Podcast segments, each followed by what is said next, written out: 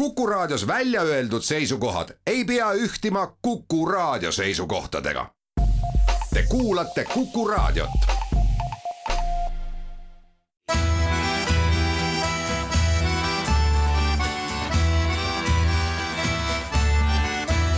Kirillitsas Eesti tere päevast, head raadiokuulajad, eetris on Kirillitsas Eesti, saatejuhiks nagu alati Pavel Ivanov ja hea meel stuudios tervitada Dmitri Moskovtsevit, Integratsiooni Sihtasutuse juhti. tere! ja vaatlejat Olga Ivanovat. tere päevast!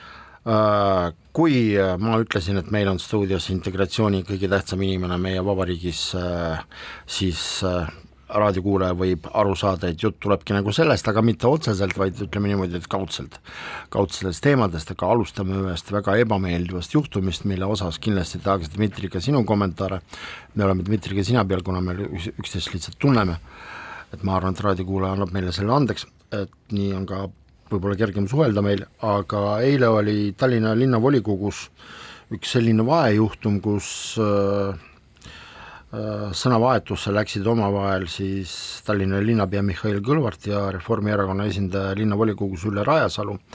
Ja põhjus oli see, et äh, toimus arutelu, et kas Andrei Kante äh, saab nüüd Vitali, Vitali jah, Vadim Belobrovtsevi mantlipärijaks ehk siis hariduse ja kultuuri aselinnapeaks. Ja selle arutelu käigus siis Ülle Rajasalu siis ütles järgmiselt, et mul on üks küsimus seoses nõndanimetatud Andrei Kantega. et ma nimetan teda nõndanimetatud sellepärast, et me hakkame praegu arutama tema võimalikku saamist äh, abilinnapeaks, aga küsimus on mul, ütles Ülle Rajasalu äh, härra linnapeale, et kas on ilmtingimata alati vajalik Tallinna haridussüsteemi juhtima panna inimest, kes on mitte-eestlasest ehk siis venekeelse taustaga, no ma niimoodi sõna-sõnalt võib-olla täpselt ei tsiteeri, aga mõte on nagu täpselt see, et äh, ja Ülle Rajasalu siis lisas, et ta ei, on jälginud Andrei Kante, ma ei tea nüüd, kuidas nüüd öelda, kas nõnda nimetatud või mitte, et aga tema väidetavalt siis ei näinud seda entusiasmi, mis puudutab eestikeelsele õppele ülemineku osas linnapea Kõlvart siis vastas, äh, vastas, ütleme nii, et jah, ta vastas ja ütles niimoodi, et ta endale ei kujuta ette, et ta oleks endale lubanud sellist väljendit nagu nõndanimetatud Ülle Rajasalu. Ja siis ta ütles veel lisaks ka seda, et ta ei äh, kujuta endale ette, et kuidas näiteks USA-s keegi oleks näiteks kongressis äh, küsinud, et kuidas nüüd öelda seda, et äh, ühesõnaga sel samal teemal, et kujutage endale ette, et teie presidendikandidaat on mustanahaline, miks nii? ehk siis linnapea Kõlvart äh, ütles, et ta lihtsalt ei kujuta endale ette, et tsiviliseeritud ühiskond aktsepteeriks sellist lähenemist ja sellist küsimust. aga jah, see nõndanimetatud Andrei Kante, et äh, kõigepealt Olga, kuidas sulle see tundus? Äh, no esiteks Ülle Rajasalu on vist teine inimene Reformierakonnas pärast Jürgen, härra Jürgen Ligi, kes äh, lubavad endale selliseid hinnangulise vä-, väljendit äh, alatooniga ja nii edasi, negatiivse alatooniga. nii et äh, see on vist, üks on tema suhtlusstiil, teine kindlasti see ongi nagu eesmärk olnud, et näidata oma hinnangut sellele inimesele, ehk siis näidata hinnangut tema rahvusele. ma arvan, et see oli rohkem võib-olla selline mitte mitte just nagu konkreetselt persooni osas hinnangu andmine, vaid äh, sellele võib-olla tõesti tendentsile, millest tegelikult on ka varasemalt räägitud, et äh, Tallinna linna kan-, äh, juhtimise juures on väga palju nagu venekeelsete mm. Yana Toom on olnud, Mihhail Kõlvart on olnud, Vadim Belobrovtsev, nii et selles mõttes see vastab tõele. ütleme niimoodi, et kronoloogiliselt on tal õigus aga puhtinimlikult ja nüüd Dmitri, sulle mm. küsimus, sina kui inimene, kes vastutab meil integratsiooni eest, mm. et kas äh, sinu arvates on see, on see normaalne selline kõnetamine või siis see on ikkagi liiast? no Eestis on meil kultuuriliselt mitmekesine ühiskond äh, ja meil elavad äh, eri emakeele ja kultuurilise taustaga inimesed ja täitsa arusaadav, et nad kuskil ka töötavad jah, ja töötavad erinevatel ametikohtadel. ja siin äh, on oluline, et me ikkagi lugupidavalt suhtume üksteise, teineteisesse ja siis ka hindame inimesi ikkagi nende tegude äh, ja pädevuste äh, alusel. et ma arvan, et ikkagi me peame seda meeles pidama, et meil on üle kahesaja erineva rahvuse esindajaid Eestis ja Äh, see on meie rikkus. kas sa kui Integratsiooni Sihtasutuse juht ei tahaks sõna võtta sellel teemal? ei, täitsa tõsi, ma mõtlesin, et tegelikult see on see teema, kus võib-olla sinu selline no ütleme, kui sa oled taunival positsioonil mm, -hmm. siis sinu see tauniv sõnum, ta oleks nagu vajalik. kui sa oleksid äh, sellisel neutraalsel positsioonil, et meil on nagu selles noh, teatud osas sõnavabadus nagu mm -hmm. jah, meil siin nagu selgus, et me oleme ka selles kategoorias nagu pisut alla läinud, et äh, siis, siis sa ütleksid võib-olla teise sõnumi. Aga kas sulle tundub äh, või ma eksin, et äh, just sinu kui Integratsiooni -hmm. Sihtasutuse juhi mingi sõnum selles kontekstis oleks võib-olla täiesti -hmm. vajalik ühiskonnale?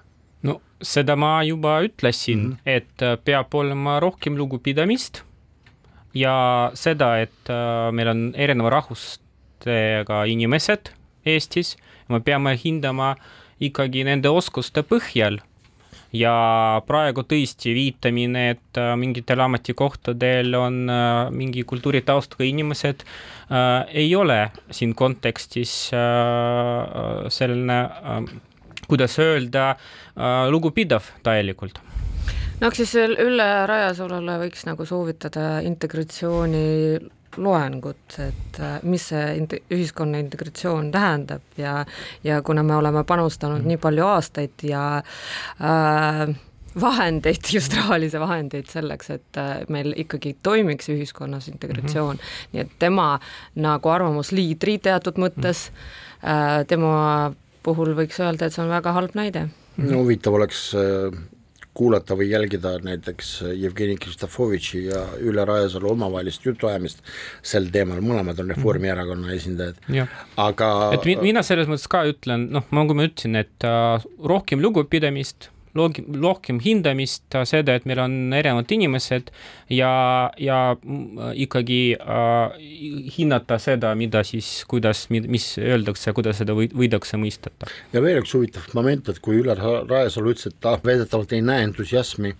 Andrei Kante noh, ma ei tea, väljaütlemistes seoses üleminekuga eestikeelsele õppele, siis mul, ma, ma vot siin kui ajakirjanik ma koheselt vaidleksin vastu mul on siiamaani meeles Andrei Kante kui kandidaadi intervjuu, kui ma ei eksi, see oli Aktuaalses Kaameras venekeelses, kus ta ütles, kui mitte jälle mälu järgi täpselt tsiteerida, aga mõte oli see, et jah, probleeme on, aga me saame hakkama ja me, ja me tegeleme sellega, siis no. selles mõttes ta juba näitas ära, et tal on ka entusiasm olemas. no selles mõttes, mis entusiasmi me ootame äh, sellest valdkonnast, kus inimese eest, ehk siis selle juhi ees seisab nii palju äh, keerulisi probleeme ja väljakutseid, et noh, väga raske öelda, et peab lihtsalt nagu äh, rõõmsa meelega ja suure entusiasmiga siis nagu aga samas ta ei põgenenud. ei no muidugi ta ja. mõistab, et see nagu hakkab toimuma, lihtsalt ta nagu juhina peabki ette nägema, et kust ta võtab neid kaadreid, õpetajaid ja pla-, noh, kõike muud, et selles mõttes, et hästi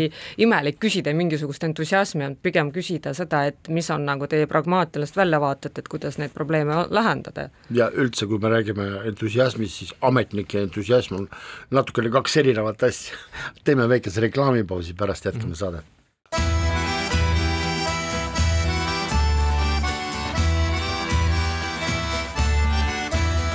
Kirillitsas Eesti jätkame saadet, natukene statistikat tänase, tänase päeva seisuga selgus, et õpetajatest Eestis äh, parajal tasemel eesti keelt ei valda üle kahe tuhande õpetaja ja nendest tuhat viissada töötavad Ida-Virumaal. no ma ei tea, millest äh, haridusminister äh, Kristina Kallas, olles Ida-Virumaal rääkis, võib-olla ka arutasid selliseid asju, aga igal juhul Narva linnapea Katri Raik juba tegi kahele direktorile ettekirjutisi selles osas ja ta, ta alustas, kui me räägime kommunikatsioonist, tegelikult väga õigesti, ta juhtis tähelepanu sellele, et see ettekirjutis ei olnud nendele kahele direktorile uudisena. ehk siis tegelikult ütleme nii, et tundub, et mõnikord me laseme iseendil tegutseda nii, kuidas äh, see oli peale seda, kui Mailis Reps kuulutas välja, et äh, toimub üleminek süsteemile kuuskümmend nelikümmend, siis kui mitte keegi ei võtnud seda tõsiselt ja sisuliselt kolmveerand aastat enne seda tähtaega, mida tema ise välja käis, kõik hakkasid nagu tõmblema, et oi-oi-oi, aga tegelikult seda ju peaks nagu tõsiselt võtma. aga räägime natukene teistest asjadest, räägime kalendaarsetest asjadest, et ma olen tähele pannud, et äh, ka praegu juba on äh, ajakirjanduses, mitte ainult eestikeelses, ka venekeelses, hakanud ilmuma igasuguseid materjale, mis nagu kutsuvad inimesi seoses üheksanda maiga käituma nii või naa, mitte tegema ühte asja või teist asja. Äh, siis mul tekkis selline mõte, et äh, aga kas peab tegema mingisuguseid materjale, kus on kirjeldatud mingisugused käitumisreeglid või siis soovitused või siis äh, ma ei tea, hoiatused või nii, kuidas ka Katri Raik ütles, jälle me tuletame teda meelde, et narvakad näiteks, ütles ta, on targad inimesed iseenesest ja neile ei pea ütlema, kuidas mida teha.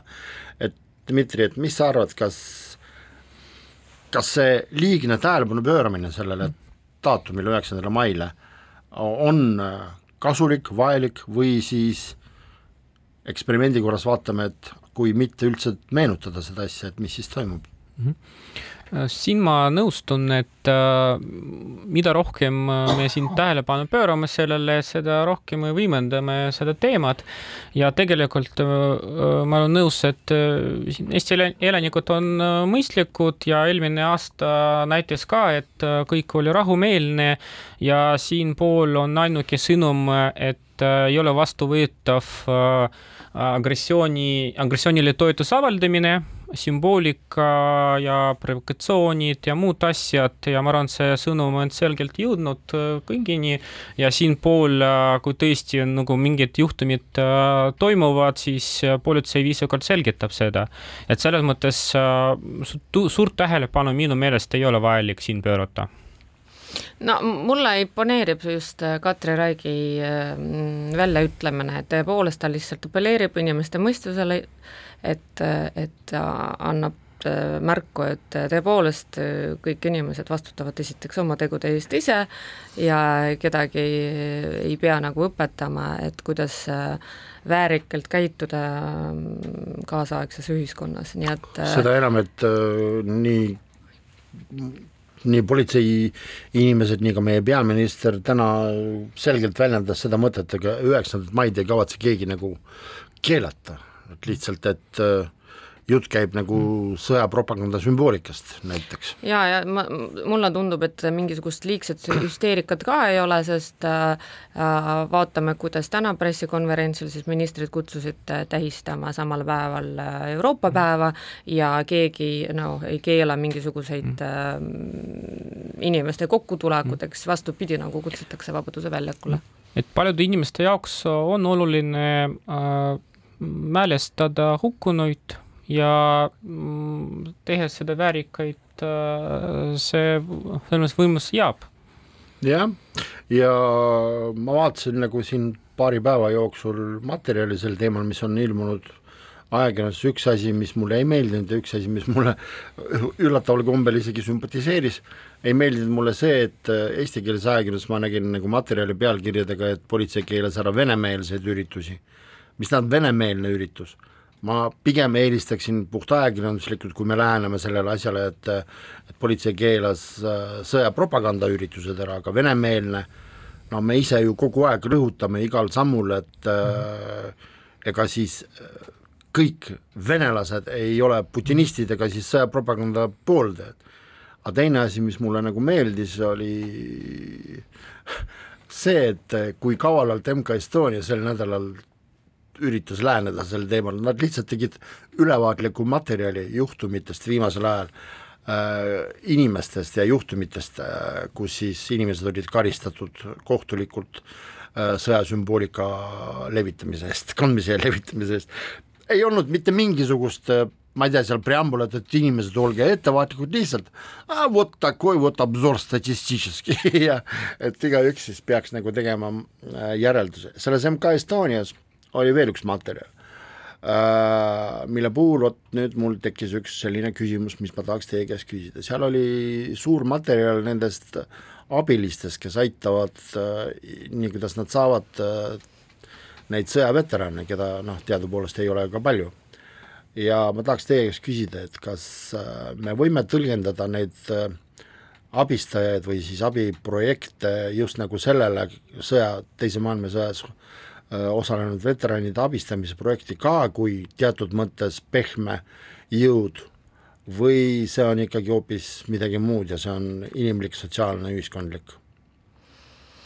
no kui ma ei eksi, siis äh, kunagi isegi oli mingi skandaal seotud äh, selle mingisuguse MTÜ-ga, kes äh, osutas abi nendele veteranidele et mul nagu täpselt ei tule midagi oli, kas, kas ei olnud selle Liksutoviga üldse seotud kuidagimoodi? seda ma ei mäleta. et kas ta siis toetas seda MTÜ-d või midagi, noh see oli kui sa seda mainisid, siis mul hakkas midagi kotma, aga ma ei mäleta täpselt. jaa, aga noh, selles mõttes, et kui esiteks nendest ei ole midagi kuulda ega, ega me ei näe neid, nendest mm, uudiseid ega midagi, noh, see tähendab, et inimesed toimetavad lihtsalt nagu humanitaarsetel mm. kaalutlustel. no Tatjana Lavrova, kes on üks üks nende abistajate eestvedaja, tema käib igal pool ausalt öeldes meedias ja räägib nendest asjadest.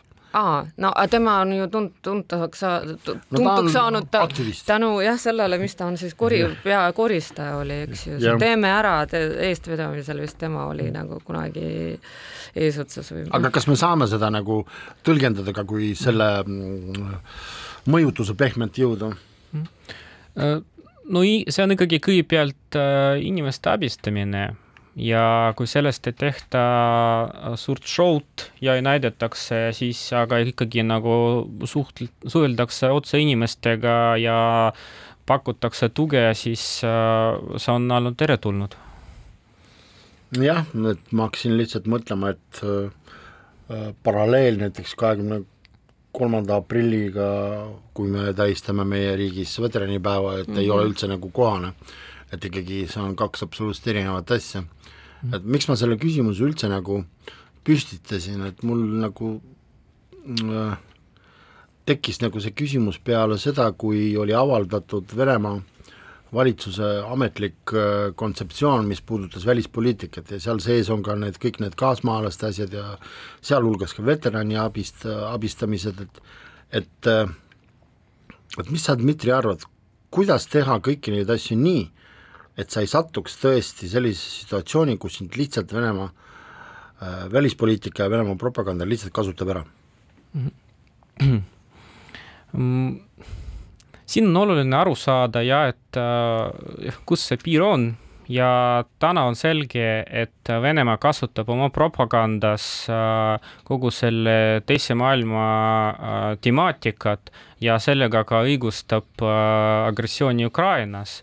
et selles mõttes siinpool need suurem osa ikkagi need tegevustest seotud sellega ja see pehme mõju aga äh, siin me peame nagu arvestama sellega, et mis on ikkagi siin meie inimestele oluline ja näiteks Teises maailmasõjas hukkunute mälestamine, oma sugulaste, lähedaste mälestamine, see on äh, küll seotud Teise maailmasõjaga, aga see on hoopis midagi muud ja siinpool äh, on vaja seda, need piirid selgelt aru saada ja tõesti seda, noh, seda propagandat äh, mitte toetada. noh, jah, mitte toetada mitte toetada võib ka selles mõttes erinevalt, et, et sa lihtsalt ei vaata propagandat, sa eitad seda propagandat, sa vaatad alternatiivseid infoallikaid või sa vastupidi nagu toetad, et see on tõesti inimeste oma valik, aga vähemalt selles mõttes on nagu mõistlik, et meil nagu kõik need sellised päevad ei ole nagu välistatud, ei ole mm ma ei tea, sellest nimekirjast välja öö, joonitud, vaid lihtsalt, et öö, on öö, öeldud, et olge mõistlikud ja ja, ja, ja siinpool noh te,, teine osa sellest tõesti, et me, me peame mõtlema sellele, et mida me toome esile ja üheksandal mael Eestis äh,, nagu Olga ka juba mainis äh,, Eestis tähistatakse Euroopa päeva, mis on äh,, mille mõte on see, et tõesti, et meil ei oleks enam äh, sõda ja oleks riikide vahel koostööd ja ühtne Euroopa ja peame rohkem seda rõhutama. Niisugune tunne, nagu ma praegu kuulaksin Aivo Petersoni Mõzamir. See oli nali, aga äh, kui rääkida sellest, et kas äh, rääkida äh, nendest äh, daatumitest või mitte, hea näide oli tegelikult eelmisel nädalal. kui näiteks ajakirjanikud ise poleks iseenda käest küsinud, et kuule, et oled sa midagi tähele pannud, et kas materjalid on ilmunud seoses pronksiööde kuueteistkümnenda aastapäevaga, ega lihtsalt kellelgi peas nagu see meelde ei tulnud, ehk siis tegelikult see on nagu veel üks tõestus, et äh, ühiskond on selles mõttes ikkagi muutunud no siin on nagu meedia roll on äh, kohe esile tulnud, ehk siis see tähendabki, et kui meedia seda ei võimenda, kui ajakirjanikud ei äh, otsi klikke, mm. siis nagu võib-olla ongi teistsugune äh, ka suhtumine mm, -hmm. suhtumine ja siis atmosfäär ühiskonnas, et võib-olla tõesti ärgad üheksandal mail, ei olegi meeles, et täna on üheksas mai, nagu lihtsalt mm. vaatad kalendri pealt. et, et ei valmistu ja nii edasi, aga kui sinu küsimusele vastata, et et kuidas siis äh, mitte sattuda sattuda mm, äh, siis ohvriks, jah, just, et no siin on tõesti äh,, inimene peab aru saama, et jällegi, mis see tähendab äh, propaganda ohver või siis propagandist, et kui sa, ma ei tea, ronid mingi suurte Vene lippudega ajalehtede veergudele, ehk siis tähendab, pildistad igal pool ennast, ma ei tea, postitad igale poole, sa ei tule niisama mm. nagu äh, mälestama. teed fotosessiooni pronkssõduri ees. jaa, just, just et kui sa nagu teed seda, mis nagu pärast võimendad kusagil sotsiaalmeedias või mida mm. iganes äh,. jah, et äh, siin kaks eri asja. minu fotod olid tehtud enne seda yeah. Ja tunduvalt ennem nii et äh, see on üks asi, teine asi on äh, jällegi sõnumite levitamine, kusjuures selle jutu juures mul tuli meelde, et mida teeb koos, sest äh, mina jälgin näiteks Facebookis mm. teist tegelast sellest grupeeringust. Samuel Oleg Ivanovi ja, ja tema ju tema on välismaal. ilusasti jah, puhkab. ja juba, juba teist kuud või kolmandat, nii et äkki ta lihtsalt kardab tagasi tulla, mul tekkis mõte ka, aga no selles mõttes nende poolt võis nagu, võiks nagu oodata mingisugust mingisugust organiseeritud äh, asja, aga no eks siis näeme. ja kui jätkata seda diskussiooni, siis äh, tõesti see mm, meediakriitilisus ja võib-olla selline suurem arusaamine sellest meedia tarbimisest, seda, mida võiks äh, inimestele rohkem pakkuda. Ja tõesti, et äh, mitte võimendada neid üksikjuhtumeid äh, ja neid provokaatoreid ja pigem meedial võiks olla haariv roll, et selgitada tausta, ajalugu, rääkida faktidest, rääkida teemadest nii, nagu nad on ja, ja seda diskussiooni toetada ühiskonnas mitte ja. tõesti, et äh, neid järgseid uudiseid äh, toota. ja lõpetuseks võib-olla veel üks, veel kord see tõdemus, et sõjapropaganda toetusüritus ei ole venemeelne üritus. Lähme väikesele reklaamipausile, pärast jätkame saadet.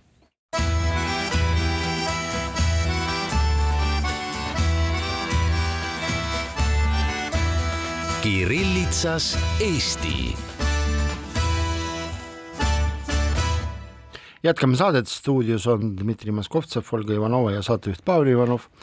Ja eile oli ETV Plussis väitlussaade Kes keda, kus siis räägiti teemal, et kas äh, Venemaa kodaniku pass Eestis on äh, toksiline dokument või kuidas. Ja seal oli üks intrigeeriv küsimus äh, televaatajatele, et kui teil näiteks oleks Venemaa pass, et kas te pigem äh, keelduksite sellest või siis äh, ei keelduks.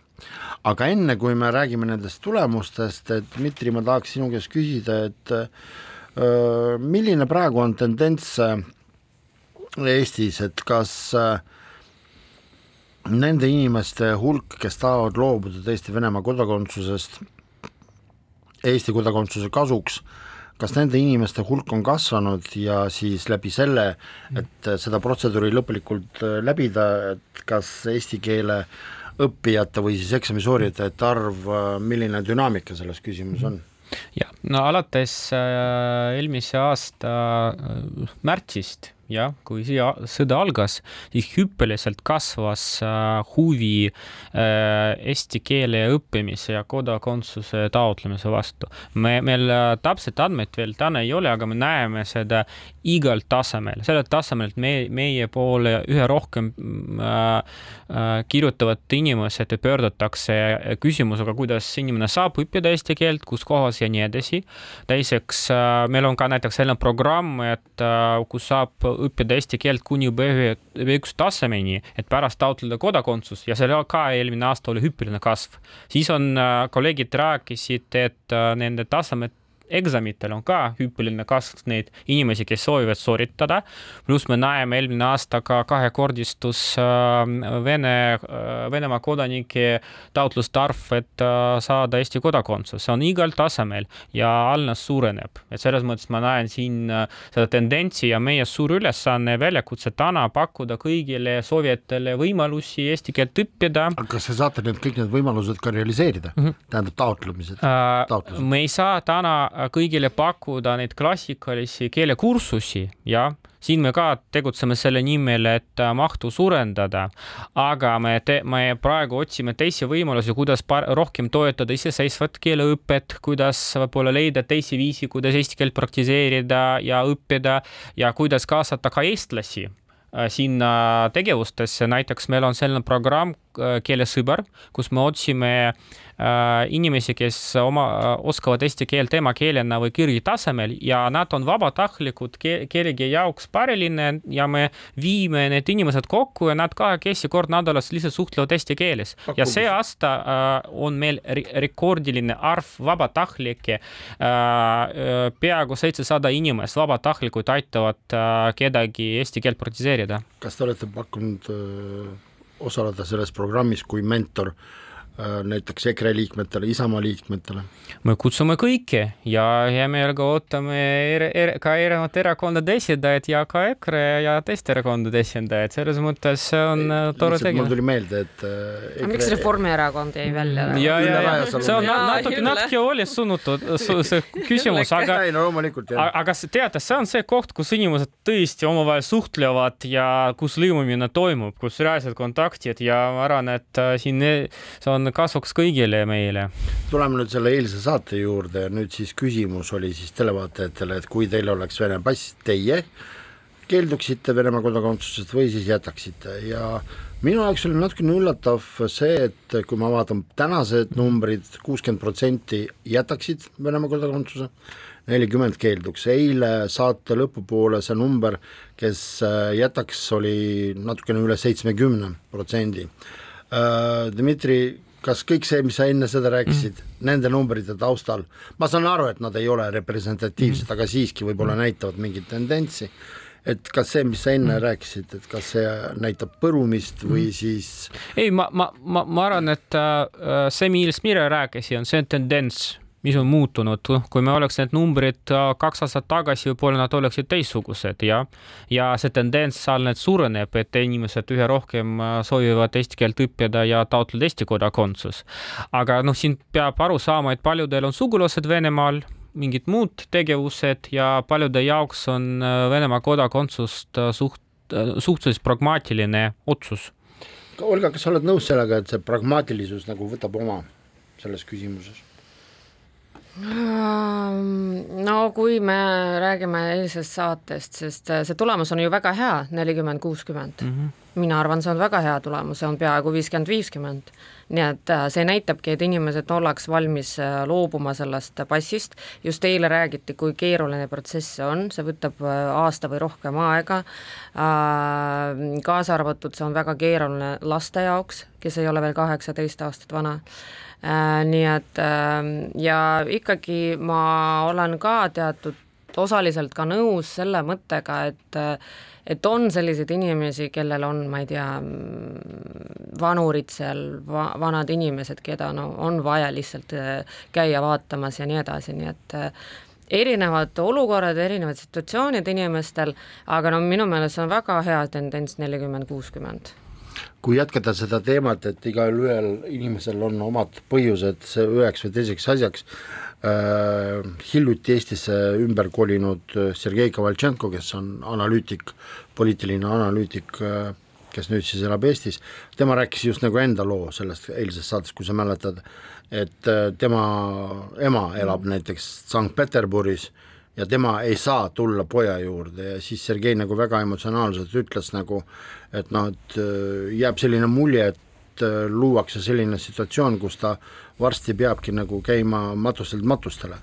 et äh, sellel taustal nagu oli minu jaoks üllatav. Skype'i kaudu, ta ütles või? jah, ja minu jaoks oli üllatav uudis sellest, et meie ülikooli direktorid paluvad leevendust või siis äh, isklutšenje mm -hmm. äh, nendest äh, reeglitest, et äh, ühesõnaga nende soov on see, et ikkagi need tudengid, kes õpivad äh, Eestis, aga kes on Venemaa kodanikud, et nad saaksid oma õpingud lõpetada, et selles mõttes oli hämmastav, et kes oli esimene, kes sel teemal hakkas rääkima, et ei mingeid Venemaa ja Valgevene õpilasi, tudengeid, oli ühe kõrgkooli ehk siis Tartu Ülikooli rektor, keda praegu valiti teiseks, tähendab juba mitmendat korda järjest, eks ole, ametiajaks.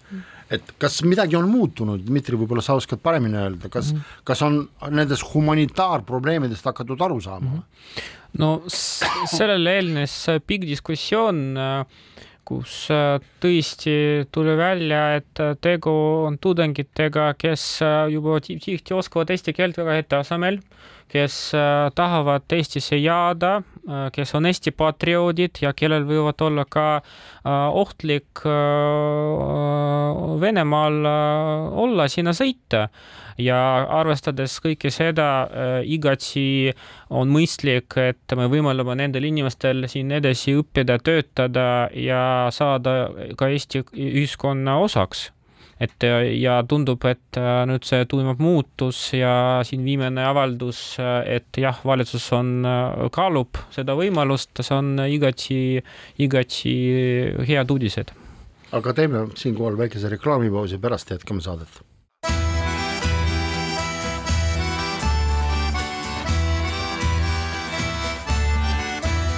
Kirillitsas Eesti.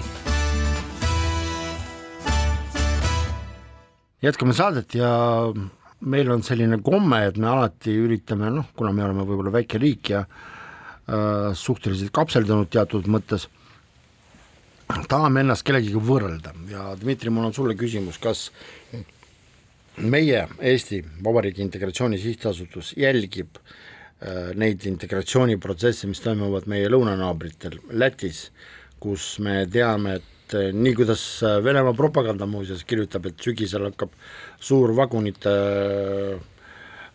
kolonn liikuma Lätist Venemaa poole, sellepärast et niimoodi arvatakse, et niimoodi võib lõppeda see üritus, mida siis lätlased tahavad teha, et siis kõik, kellel on Venemaa kodakondsus ja pikaajaline elamisluba, et nad peavad kõik eesti, läti keele eksamid ära tegema ja kes ei tee, ei tea, mis nendest saab, et kuidas sina ja kuidas Integratsiooni Sihtasutus suhtub sellesse, mis Lätis on kavas teha mm? -hmm. no me jälgime äh, kõiki äh, näiteid ja ka seda ja siinpool äh, mulle ikkagi rohkem imponeerib Eesti lähenemine äh,, kus äh,, kus Eesti ikkagi äh, püüab äh,, et me püüame, et Äh, kõiki siin ühendada inimesi Eestis ja mitte tekitada lõhet ja leida võimalusi, kuidas inimesed omavahel suhtlevad ja kuidas nad saavad kiiremini eesti keelt õppida ja saada Eesti, saada teada rohkem Eesti kultuurist, Eesti ühiskonnast. ja täna meie suur väljakutse, nagu ma e-, eelnevalt rääkisin, pakkuda kõigile soovijatele, kes soovivad eesti keelt õppida ja kodakondsust taotleda, neid võimalusi ja siin ma arvan, see on õigem lähenemine kui see, kui Lätis toimub. aga kui seal tõesti läheb vagunite poole asi, kas, kas te nagu kuidagimoodi ütlete oma arvamuse, et see vist ei ole eriti hea või siis äh, see ei ole nagu Eesti Vabariigi asi -hmm. sekkuda teiste riikide siseprotsessidesse mm? -hmm. no meie kõigepealt äh, äh, püüame pakkuda teenused ja aidata neid inimesi, kes Eestis elavad ja see on meie prioriteet täna. Ja see, mis toimub Lätis, et äh, meil on kohati ka teine kontekst ja siin äh,, siin pigem jätaks seda ikkagi Läti riigil äh, seda kommenteerida ja aga noh, pigem ma saan rääkida sellest, mis Eestis äh, me teeme ja mis on äh, Eestis need põhimõtted ja suunad. Praegu on kindlasti selline olukord, kus äh, väga tihti küsitakse sellist küsimust, et kuidas on meie riigil õnnestunud või mitte õnnestunud integreerida Ukrainast tulnud mm -hmm. inimesi mm. -hmm. et esimene väljakutse äh, seisnes äh, ukrainlaste kohanemises Eestis, et äh, kõigepealt oli küsimus, et kus nad elavad, kus tööd leida, siis laste hariduse teema ja, ja samuti riik pakkus nendele kohanemisprogrammi raames infot, et kuidas Eesti riik toimib. ja kohe ka esimene samm oli pakkuda ukrainlast lastele äh, eesti keele õpet A1 tasemel tänaseks äh, on juba äh, peaaegu üheksa tuhat inimest on kas, kas õppivad või läbinud A1 tasemel keelekursust, pluss need, kes Töötukassa ja teiste nagu ka võimaluste kaudu seda teevad.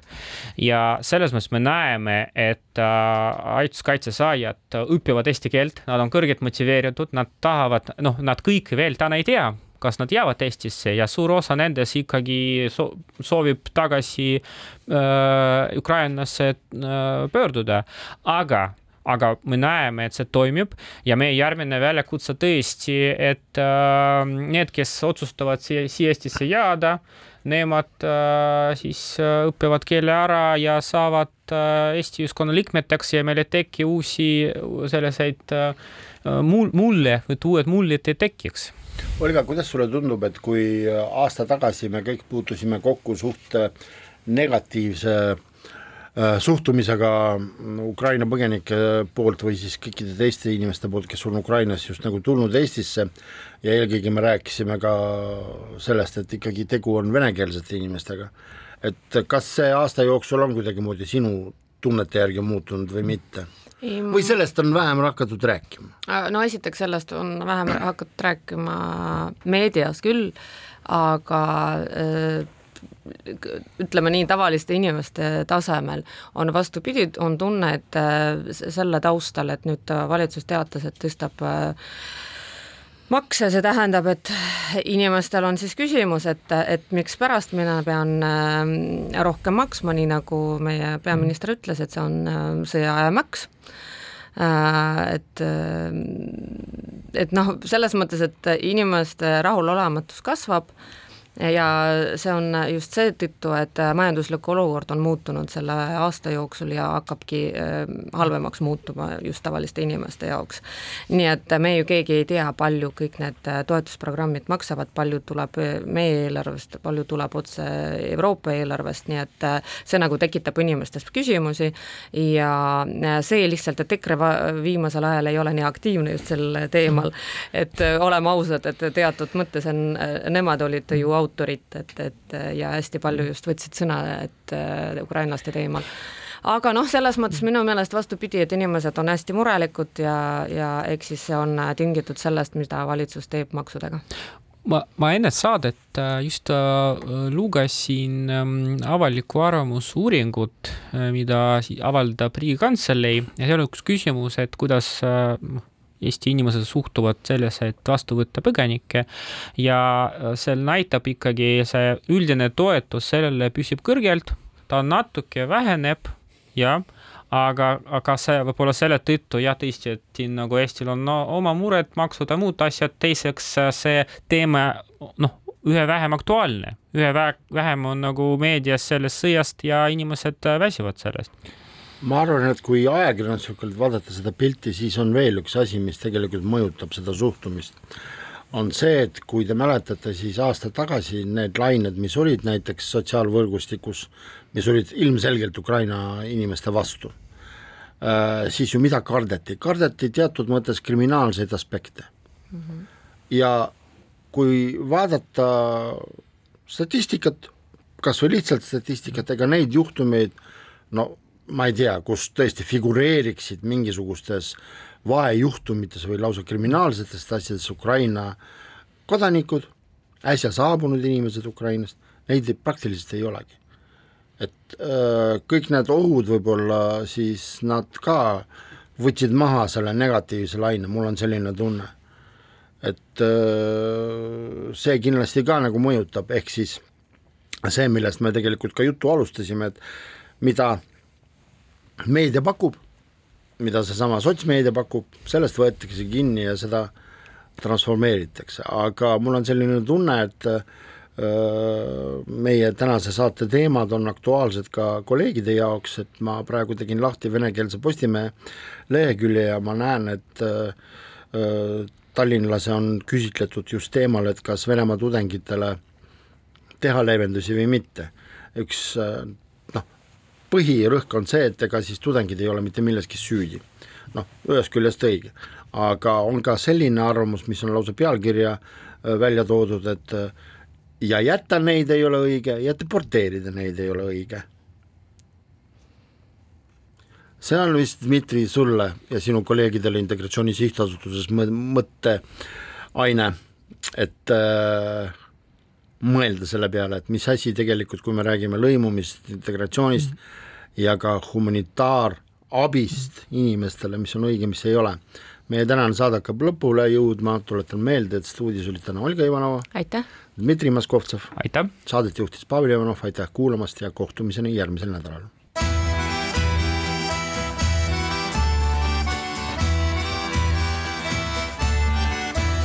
Kirillitsas Eesti